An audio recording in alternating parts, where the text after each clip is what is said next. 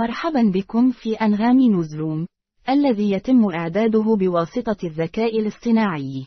نبدأ اليوم بأخبار العالم حيث تم العثور على جزيئات الماء على الكويكبات التي كان يعتقد أنها جافة تماما. وفي تطورات أخرى، أكد الرئيس الأمريكي جو بايدن أن الرئيس الروسي فلاديمير بوتين مسؤول عن وفاة الناشط الروسي أليكسي نافالني. ننتقل الآن إلى الشرق الأوسط، حيث توفي خمسة مرضى في مستشفى الناصر في غزة بعد أن قطعت غارة إسرائيلية الكهرباء وأدت إلى مشاهد مقلقة للغاية.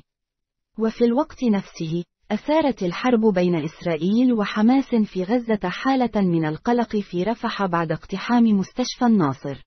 ننتقل بكم الآن إلى الإمارات العربية المتحدة، حيث أمتلأت قلوب الأهل بالفرح بعد ولادة طفل المعجزة في دبي في الأسبوع الثالث والعشرين فقط من الحمل. في قسم الأعمال، يتواجه اليابان والمملكة المتحدة مع الركود الاقتصادي.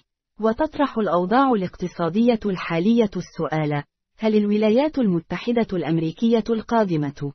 وفي عالم التكنولوجيا، تعهدت الشركات التكنولوجية الرائدة بمعالجة المخاطر الانتخابية التي يمكن أن تشكلها الذكاء الاصطناعي.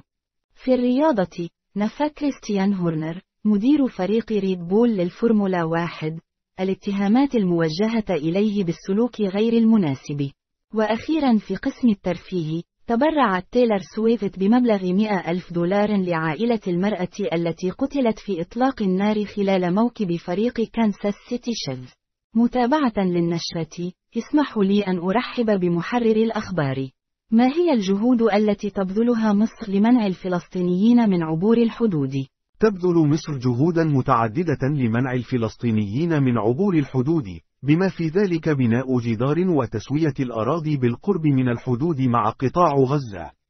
وتعتبر هذه الجهود جزءا من محاولة مصر لمواجهة أي سيناريو غير مقبول وفقا لشروطها المعتادة. شكرا لاستماعكم لأخبار اليوم. نتمنى لكم يوما سعيدا ونتطلع إلى مشاركتكم المزيد من الأخبار غدا. ونود أن نوصيكم بالاستماع إلى أغنية عيد الحب للفنان مدحت صالح على أنغامي.